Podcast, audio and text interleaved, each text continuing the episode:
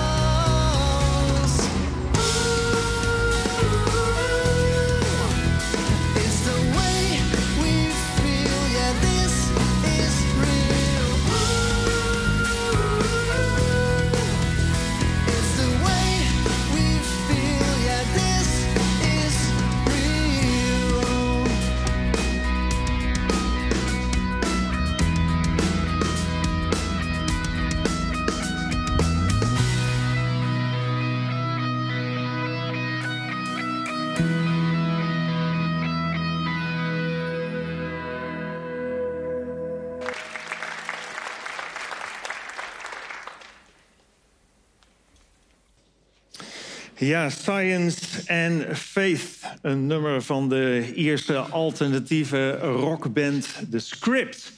Wie kende die band? Oh, een paar wel. Een paar fans. Ja. Ik kende ze niet. Uh, het is niet helemaal uh, mijn muziekstijl ook. Maar uh, het is verschillend, hè? Bij iedereen. Ja, het nummer uh, dat uh, we hoorden, althans de tekst van het nummer, ontstond vanuit een gesprek dat de gitarist had met zijn vrouw. Zo uh, hoorde ik en las ik in een interview.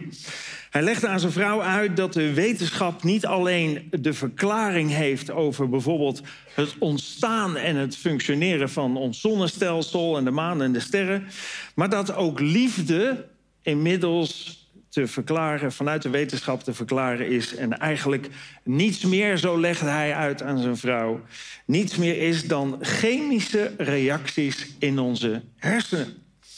Nou, het kwam net voorbij, de tekst. Probeerde liefde, hè, hij zei dat dan, probeerde liefde tot wetenschap te reduceren. Ik probeerde evolutie naar voren te schuiven als de logische conclusie van het begin. Maar het was voor mijn eigen vermaak. Hij, plaagde zijn vrouw er ook mee. Te zeggen dat liefde een illusie was van een hopeloos hart. Maar door zo over liefde te spreken, deed hij zijn vrouw verdriet, merkte hij. Ze werd er niet bepaald vrolijk van. Het deed haar geen goed om de gevoelens die ook zij voor elkaar hebben en hadden, eh, zo te rationaliseren, zo uh, terug te brengen tot iets wat wetenschappelijk te verklaren zou zijn. Ik brak haar hart omdat ik haar theorieën onderuit haalde. een beetje vrij vertaald. Uiteindelijk werd hij geraakt door wat zij over dit onderwerp te zeggen had.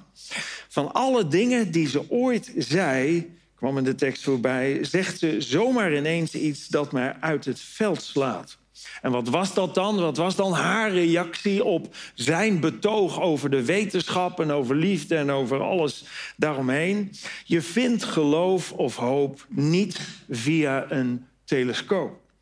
Je vindt geen hart en ziel in de sterf, terwijl niet alles is te reduceren. Je kan alles terugbrengen tot chemicaliën, maar je kan onze liefde niet verklaren. Het is de manier waarop we voelen, ja, dit is echt. Nou, waarom nou dat nummer science en faith? Nou, omdat deze twee begrippen, wetenschap en geloof, het bovennatuurlijke en het natuurlijke, zo vaak tegenover elkaar worden gezet. Zo vaak worden uitgespeeld ten opzichte van elkaar, alsof deze twee elkaar wel moeten uitsluiten. Alsof het nooit samen met elkaar kan gaan. Geloven is dan hooguit een bezigheid voor naïeve gevoelsmensen misschien. Voor mensen die houvast nodig hebben. Voor mensen die het nodig hebben om bij een groep te horen. Maar mensen die goed geïnformeerd zijn of goed opgeleid zijn, weten dat vrijwel alles rationeel te verklaren is. En zo worden deze twee begrippen, geloof en wetenschap, natuurlijke en bovennatuurlijke, vaak tegen elkaar uitgespeeld. Voor steeds meer mensen zijn de wetenschappelijke claims, en misschien geldt dat voor jou ook wel, die we op school of in onze studie hebben meegekregen, of wat tot ons komt via van allerlei soorten media die we door de week zien, reden genoeg om niet in God te geloven. Al die dingen die we daarover horen, al die wetenschappelijke claims die op ons afkomen en die we bestudeerd hebben, dat is misschien voor jou wel reden genoeg om niet in God te geloven. Op de flyer van deze serie staat: waarom zou je in God geloven? Moderne mensen hebben hebben toch al lang laten zien dat het bestaan van God heel onwaarschijnlijk is. Al zou God bestaan, dan nog hebben we hem als mens niet meer nodig om gelukkig te worden, toch? Misschien heb je deze gedachte ook wel eens. In deze serie dagen we je uit om alle redenen om niet in God te geloven te overdenken. Ja, minimaal een, een, een moment bij stil te staan. Welke redenen staan er na deze serie voor jou nog overeind? Nou, de titel van, deze eerste, van het eerste deel van deze serie is... Ik geloof niet in God, want nu weten we toch wel beter.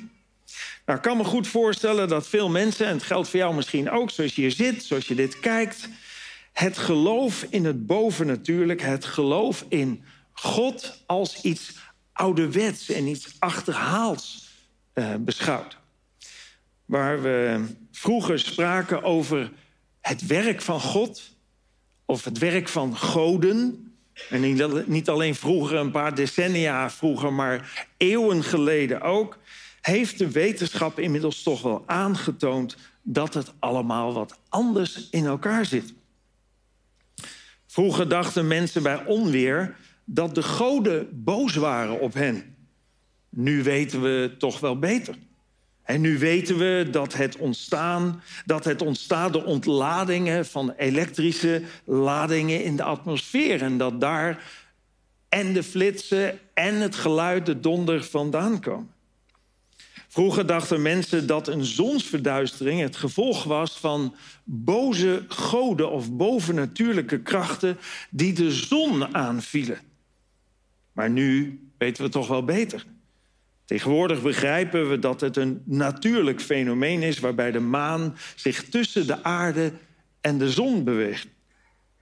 In veel oude culturen werden aardbevingen gezien als tekenen van de toorn van de goden of van God. Nu weten we toch wel beter. Nu weten we dat ze worden veroorzaakt door de beweging van tektonische platen onder het aardoppervlak, die af en toe door de spanningen die daarin ontstaan ten opzichte van elkaar verschuiven. Vroeger werden ziekten vaak toegeschreven aan bovennatuurlijke krachten of goddelijke straffen. Maar nu weten we toch wel beter. Tegenwoordig begrijpen we dat ziekten veroorzaakt worden door micro-organismen, virussen, bacteriën en andere biologische factoren. Maar ondanks het feit dat we weten dat de meeste van deze dingen meestal niet te maken hebben met een directe, directe goddelijke interventie of boosheid of wat dan ook, liggen onder deze dingen nog wel natuurwetten waarvan we de herkomst heel vaak helemaal niet kennen of niet eens weten hoe het precies werkt. Om een voorbeeld te noemen, we weten wat zwaartekracht doet. En dat is ook fijn. We kunnen ermee rekenen, we kunnen ermee werken. Je weet ook dat als je s'morgens de deur uitstapt en je struikelt, dat je niet omhoog valt, maar naar beneden blijft. Dat zijn allemaal prettige dingen om mee te kunnen leven. We kunnen daarmee overweg, maar niemand kent de herkomst van die wetmatigheid. Dus met alle wetenschappelijke ontdekkingen op al die verschillende terreinen die we vroeger misschien toeschreven of die vroeger werden toegeschreven aan goddelijke interventies. Ja, een heleboel dingen weten we hoe het zit, maar nog steeds de onderliggende natuurwetten en de herkomst daarvan weten we in heel veel gevallen niet waar het vandaan komt, hoe het is ontstaan. En zeker ook als het gaat over het ontstaan van deze wereld en het ontstaan van het leven. Vroeger dachten we dat het ontstaan van deze wereld, met alles wat erop en om aanwezig is, een bovennatuurlijke reden had. Nu weten we toch wel beter. Zou je zomaar kunnen denken of om je heen kunnen horen. Nu weten we dat alles vanuit een oerknal, de Big Bang, ontstaan is. Dat leven voortkomt uit een ongeleid proces dat vele miljoenen jaren heeft geduurd en dat het eerste eenvoudige leven zich via evolutie heeft ontwikkeld tot waar we nu zijn. Dat is althans wat je van jongs af aan geleerd hebt. Kijk maar eens mee even naar een klein stukje van de schooltv voor de bovenbouw van de lagere school. Waar het leven is ontstaan, dat weten we, namelijk hier in de zeeën. Maar de vraag is nu, hoe is het leven ontstaan? dat heeft te maken met deze steen uit de ruimte, een meteoriet. En deze is echt. En dit soort meteorieten slaan in op de zeebodem. Onderzoekers denken dat ze bepaalde stoffen bij zich hadden, mineralen. En dat die mineralen een soort chemische verbinding gingen vormen met de stoffen in de zee. Het wordt een soort oersoep. En daaruit ontstaat uiteindelijk een piepkleine bacterie, de oerbacterie. Het is maar één cel en hij is zo klein dat je met het blote oog niet kan zien. Maar het is wel het begin van ons, van alle levende wezens op aarde.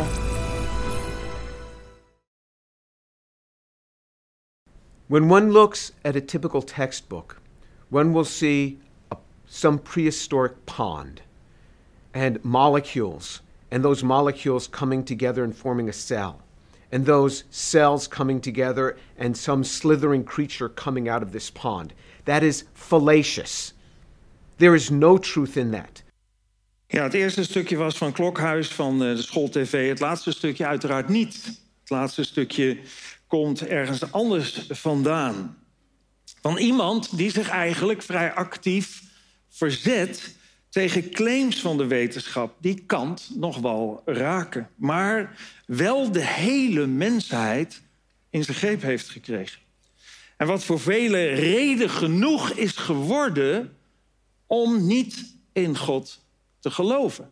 Want die hoeft helemaal niet te bestaan. Dat is zelfs zeer onlogisch. Deze professor Dr. James Tour is een geniaal wetenschapper. Die zich openlijk verzet tegen de grote waarheidsclaims die vanuit de wetenschap onderwezen worden, maar eigenlijk niets meer zijn dan een theorie. Wat prima is, want dat moet de wetenschap ook doen. Theorieën ontwikkelen om uiteindelijk ze te toetsen en te kijken of dat waar is. En of het klopt. En anders worden de theorieën weer bijgesteld. Dat is het prachtige van de wetenschap. Maar op het moment dat theorieën als waarheid naar voren worden gebracht, dan begeven we ons op glad ijs. En dat is hetgene waar hij zich tegen verzet. James Mitchell Tour, geboren in 1959, Amerikaans chemicus en nanotechnoloog. Hij is uh, hoogleraar scheikunde, hoogleraar materiaalkunde, hoogleraar nano-engineering en hoogleraar informatica aan de Rice University in Houston, Texas. Tour, James Tour is een toponderzoeker in zijn vakgebied. Tour heeft meer dan 700 onderzoekspublicaties. Sommige wetenschappers zijn blij als ze er 10 halen. Hij heeft meer dan 130 patentfamilies op zijn naam staan. Met totaal van meer dan 125.000 citaties. Zo vaak wordt hij door andere wetenschappers geciteerd. En met een H-index, zoals de wetenschappers dat noemen, van 165. De H-index, zo las ik, is een maatstaf voor de wetenschappelijke productiviteit en invloed van een onderzoeker. En 165 is hoog. Stephen Hawking, de natuurkundige, die we misschien wel regelmatig hebben gezien, had een H-index van 92. Peter Higgs, de Britse natuurkundige die betrokken was bij de zoektocht naar het Higgs-deeltje, zijn H-index lag rond de 71. Dus met 165, dit waren beide geniale wetenschappers overigens hoor, daar gaat het niet om. Maar als het gaat om productiviteit en invloed in de wetenschap, dan is de invloed van deze James Tour groot, ook al is die wereldwijd over het algemeen vrij onbekend. James Tour is overtuigd christen en uiterst kritisch over alles wat door de moderne wetenschappers op het gebied van het ontstaan van het leven wordt beweerd. Niet in eerste instantie omdat de Bijbel iets anders zegt, God komt meestal niet voor in zijn optreden, in, in toespraken die hij houdt of, of wat dan ook. Maar hij verzet zich daartegen omdat er zo ontzettend veel theorieën als waarheid worden gepresenteerd, die verre van waarheid bevatten. Zo wordt ook regelmatig gezegd en op school geleerd dat we heel, heel, heel ver zijn als mensheid om leven tot stand te brengen. Net zoals dat we van mening zijn dat leven in het verleden is ontstaan, alleen dan nu in het laboratorium. Op YouTube is veel interessant materiaal van hem te vinden. En we kijken nu even naar een klein stukje van een interview met hem over de bewering van de wetenschap dat het leven vanzelf uit levenloze eh, universum is ontstaan en dat wij binnenkort dus in staat zullen zijn om leven te maken in het laboratorium. Kijk maar even mee. People will say all you need is a piece of RNA. That's a bunch of nonsense. It's been calculated all the different things you need to have a cell to work. Not only have they not made all of those things, they haven't even made one of them. It's a list of about 25 things. They haven't even made one of them. Not even one. Okay, so but they're still asking us to believe that a lifeless universe, through random sloshing, made every single one of these things and then assembled every single one of these things in this exquisite order that eventually ends up being what we call life. And we, let's be honest, like we can't even define what life is, correct? That's correct. So if you have a cell, cell that just dies, we're just talking about little cell, a yeast cell, a very simple, simple cell, not, not, even, not even a human cell, it's a very simple cell, just dies. Ask a scientist, what is it that we just lost? What is it that we just lost? I did this experiment once. I don't know if my daughter will remember. I had a bunch of scientists over for dinner, and, and I said, watch, watch this. I said, I have a cell. It just died. What, what is it that we just lost? One guy said, it's, it's the ionic potentials. The other said, no, on, it's much, lost much more than ionic potential. They could not even agree on what it was that we just lost, let alone how you define life. You can talk about the characteristics of life, characteristics of, a, uh, of life, you, you, you can specify, but what is the life? What is it that you just lost? Scientists can't even define that, let alone make it. And that's why I say that, that even if I gave you a cell, if I gave you a cell that just died, go ahead, bring it back to life. In other words, you're saying if, if, if, a, if a cell dies, every single one of the parts is there. Is there. In other words, I'll give you that. Yeah. Now make them work. Yes, because because a resurrection should be easier than a bottom up synthesis. You know, everything's there. Everything, all the parts are kind of in place. Now bring it back to life. Can anybody do that? There's not a scientist in the right mind who will say that they can do that. Even origin of life people say would never say that they, they, they can do that. They won't say they can't do it because they won't admit it, but they'll just look at you. That's what they do. They just look at you. They say, Can you do it? Just look at me. Ja, zo eh, zijn er een hoop dingen die uh, ons geleerd worden, die naar voren komen.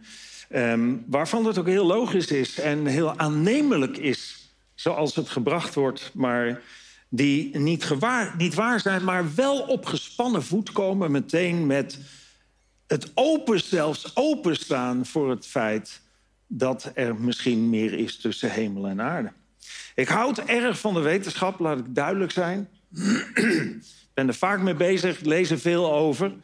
Maar de dingen die vanuit de wetenschap ontdekt worden, ja, daar is een methode voor om, om aannemelijk te maken dat het ook waar is. Dat is in de loop van de tijd wel verschoven. Vroeger moest het empirisch worden vastgesteld. Hè, door, door herhaling moest het worden vastgesteld. Nu is iets waar als de meeste wetenschappers het erover eens zijn. Dat is natuurlijk al glad ijs. De dingen die van de, wetenschap ontdekt worden, en er wordt veel van uit ontdekt, vind ik prachtig. Ben ik iedere keer weer van onder de indruk. Maar het is de taak van de wetenschap om theorieën, theorieën te blijven noemen zolang ze niet aangetoond zijn.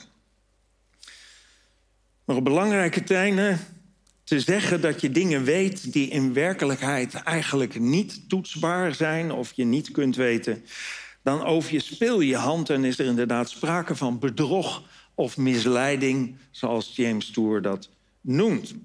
De video die we net zagen van SchoolTV begon met de woorden... waar het leven is ontstaan, dat weten we, namelijk hier in de zeeën.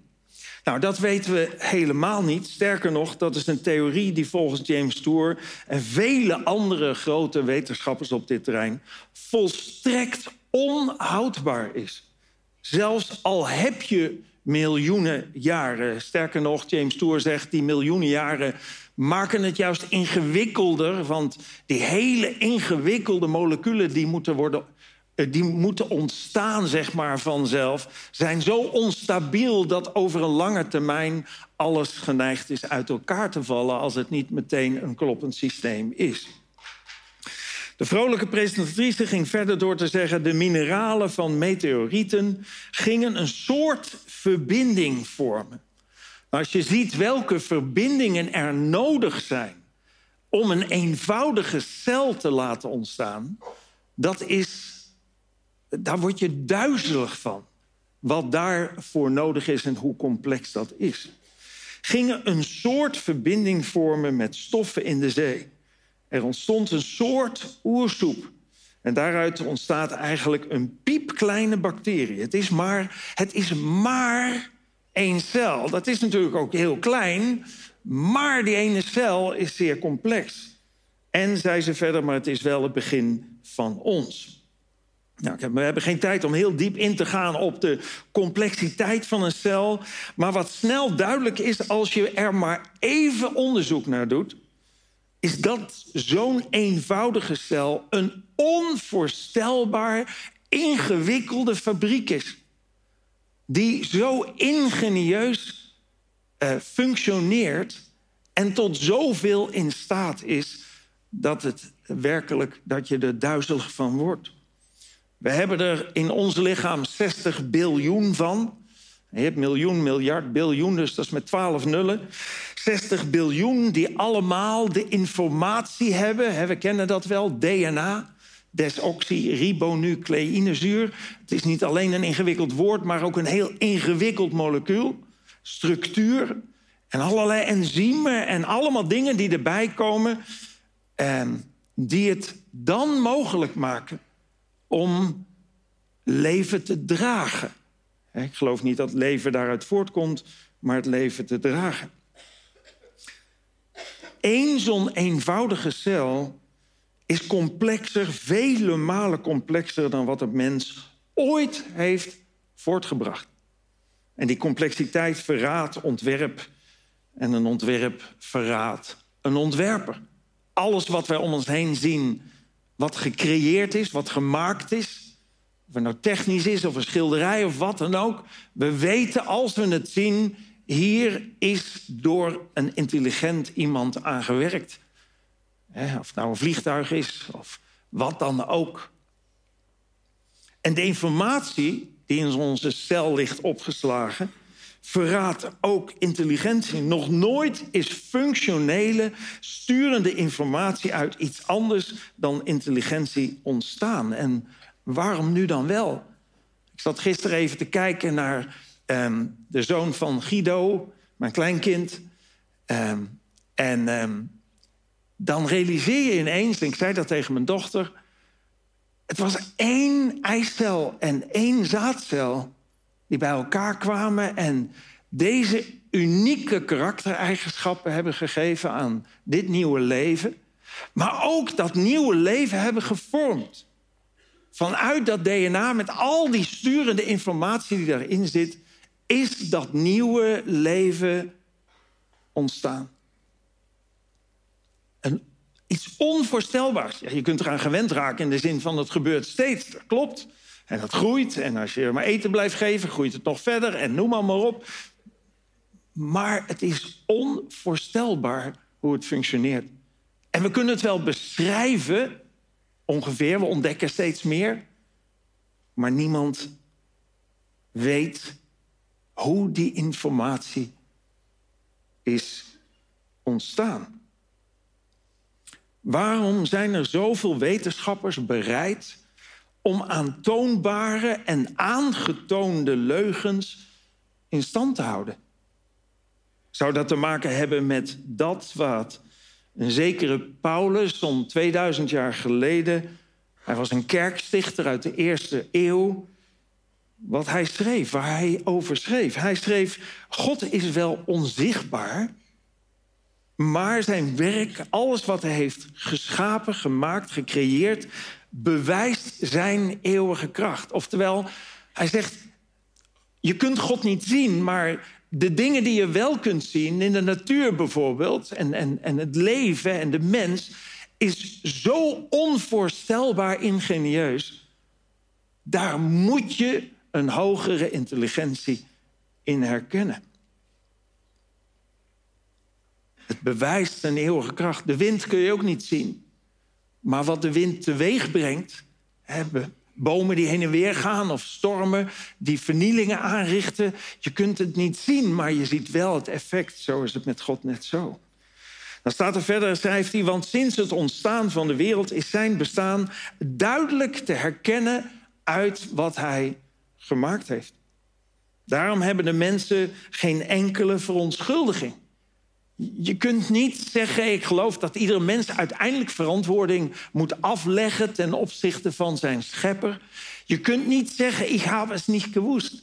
Ik wist er niet van. Nee, de Bijbel zegt, je kunt het weten.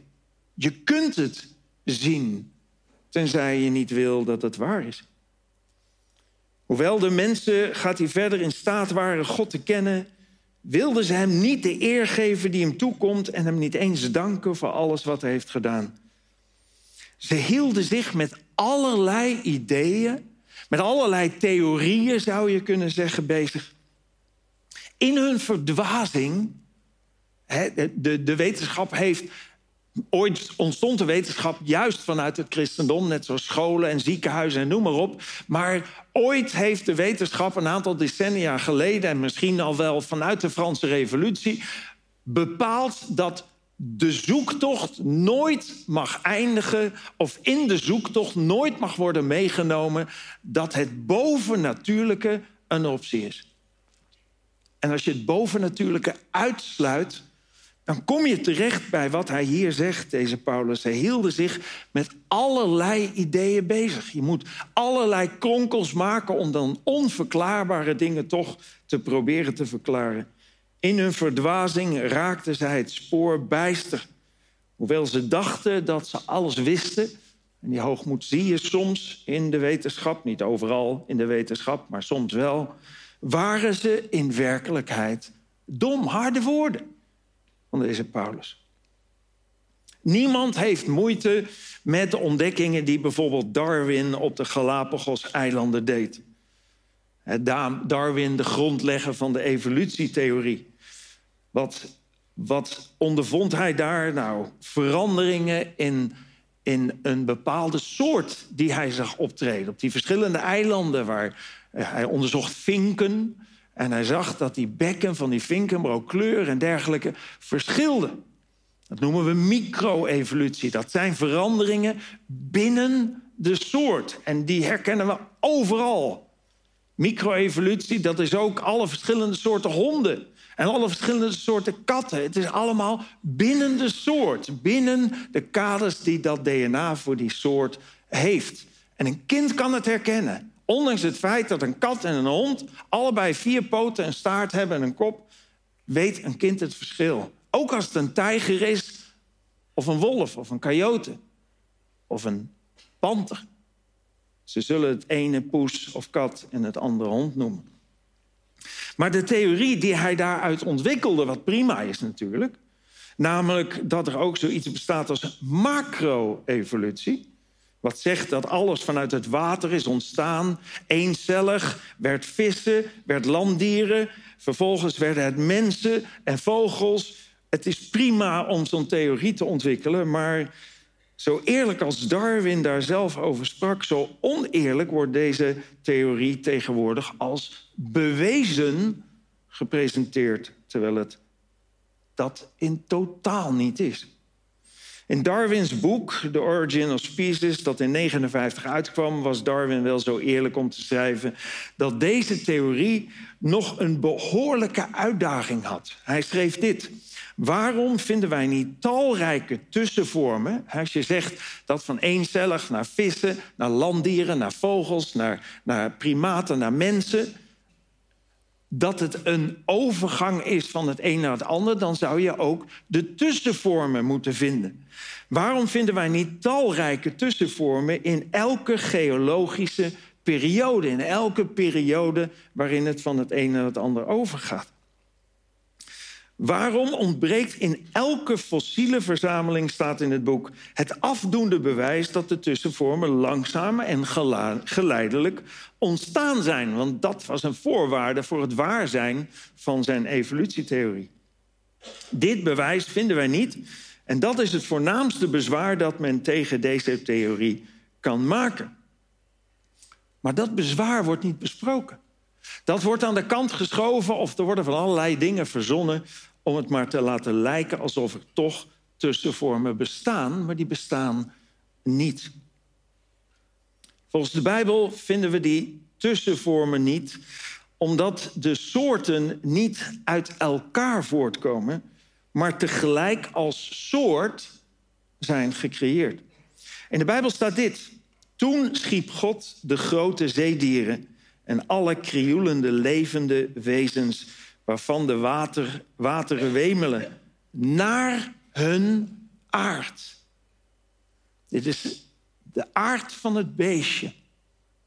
Dit zijn de eigenschappen die horen bij die soort. En zo kreeg iedere soort zijn eigen eigenschappen met grenzen. Je hebt ontzettend veel verschillende hondachtige. Je hebt eh, ontzettend veel verschillende huishonden. Allemaal binnen dat DNA mogelijk. Maar een hond wordt nooit zo klein als een mier en nooit zo groot als een olifant. Die beperking zit in die soort, in die aard. En allerlei gevleugeld gevogelten naar zijn aard. En God zag dat het goed was. En iets verder staat... En God zeide dat de aarde voortbrengen levende wezens naar hun aard. Vee en kruipend gedierte en wild gedierte naar hun aard. En het was al zo. Niet een opbouw, niet een vanzelf ontstaan uit een soort oersoep. Nee, een creatie, prachtige creatie van heel veel verschillende soorten, die we allemaal nog herkennen en waarvan geen enkele tussenvorm bekend is. De tegenstander van God, en ik geloof dat alleen niet God bestaat, maar dat God ook een tegenstander heeft die het werk van God probeert kapot te maken en de mens probeert te verleiden en van God af te houden. De tegenstander van God doet er alles aan om dat wat de wetenschap op sommige terreinen als waarheid presenteert, reden genoeg te laten zijn om niet in God te geloven. Ik geloof dat dat heel veel mensen in problemen brengt. Problemen die je in toenemende mate ziet. Omdat die overtuiging dat God niet bestaat of niet hoeft te bestaan, ten diepste ingaat tegen dat waarvan ik geloof dat het in iedere mens aanwezig is.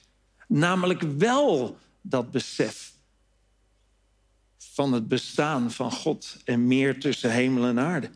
Misschien ken je de uitspraak: de mens is ongeneeslijk religieus.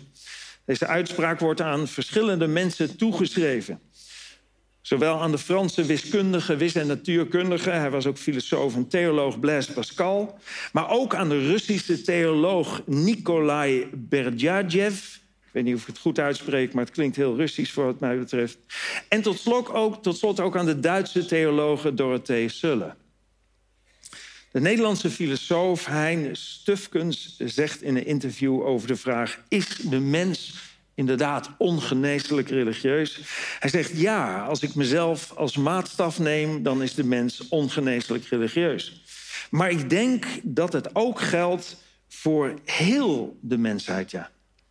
Dat het in onze genen zit om heimwee te hebben naar de bron, naar de heelheid. Ik ben ervan overtuigd dat de opgedrongen overtuiging dat God niet bestaat, heel veel mensen in psychische problemen, in emotionele problemen brengt, maar meer nog in existentiële problemen. De vragen, maar waar kom ik dan vandaan? Waar ben ik naartoe onderweg? Waarom leef ik eigenlijk? Wat is het doel van het leven? En als God niet bestaat, wat is dan het doel van het leven? Wat is dan het kader? Als het hier ophoudt, wat houdt het dan in?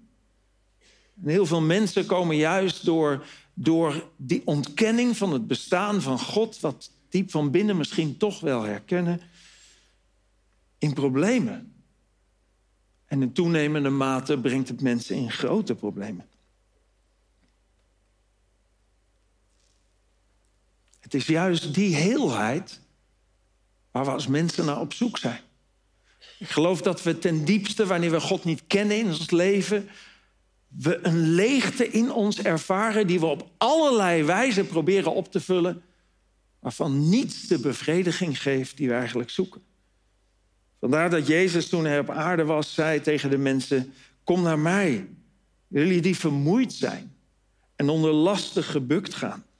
Dan zal ik jullie rust geven. Neem mijn juk op je, zegt hij, en leer van mij. Leer hoe het leven te leven. Leer hoe ik het leven heb bedoeld. Leer dat het leven niet ophoudt als de dood hier zijn intrede doet, maar dat het mooiste nog kan komen. Neem mijn juk op je en leer van mij, want ik ben zachtmoedig en nederig van hart. Dan zullen jullie werkelijk rust vinden. Want mijn juk is zacht en mijn last is licht. Zit in onze genen om heimwee te hebben naar de bron. Het zit in onze genen om, om te verlangen naar de heelheid die God geven wil. Naar volmaakte en onvoorwaardelijke liefde die alleen God geven kan. En daarover gaan we straks ook luisteren naar een nummer. Ik sluit eerst af met gebed. Heer God, ik wil u zo danken wil u danken dat u ons allemaal de weg wilt wijzen. Dat u een licht op ons pad wil zijn. Een pad wat soms zo donker en duister kan zijn. Er komen zoveel dingen op ons af in deze wereld. Zoveel dingen die we als mens ook niet kunnen toetsen altijd. Of ze waar of onwaar zijn. Dingen die een ja, steeds grotere groep ook zegt waarvan ik diep overtuigd ben dat ze onwaar zijn, dat ze aantoonbaar onwaar zijn. En ik kan dat niet verwoorden zoals James Tour dat doet. Die, die zo ontzettend thuis is in die materie en zo duidelijk kan uitleggen dat deze dingen niet kloppen. Dat deze theorieën langzamerhand waarheid zijn geworden in een wereld die misschien wel heel graag wil dat het waar is. Heer, want als u echt bestaat, dan bent u ook de wetgever. Dan zijn uw waarden en normen geldig. En eigenlijk willen we als mens zo graag autonoom zijn, zelf de baas zijn. Ook al merken we dat we het maar niet voor elkaar krijgen om echt gelukkig te zijn en dat geluk ook vast te houden. Ik wil u zo bidden dat we in deze serie meer mogen ontdekken. Heer, dat u bestaat, dat u leeft. Dat er redenen kunnen zijn om moeite te hebben om die stap naar u te zetten. Maar dat we stuk voor stuk naar die redenen mogen kijken. En er iets anders tegenover mogen zetten. Waarheid. Heel vaak ten opzichte van leugen. Ik wil u danken, Heer Jezus, dat u kwam naar deze wereld, dat u uw leven voor ons heeft gegeven. Dat u gestorven bent voor de zonde van ons allemaal. En dat u ons uitnodigt om bij u te komen. U zegt, kom tot mij, alle die vermoeid en belast zijn, en ik zal je rust geven. Dan pas gaan we uw volmaakte liefde liggen kennen. Dan pas krijgt het leven echt zin dan pas is er hoop en rust. Heer wilt ons helpen om dat te vinden. Misschien staan we er nog heel ver vanaf. Misschien is dit allemaal nieuw voor ons. Maar Heer, maar help ons te ontdekken dat U de schepper bent van hemel en aarde. Dat U de gever bent van het leven. Dat U van ons houdt en een verlangen heeft om ons leven te vullen met uw liefde en uw aanwezigheid. Daar dank u voor in Jezus' naam. Amen.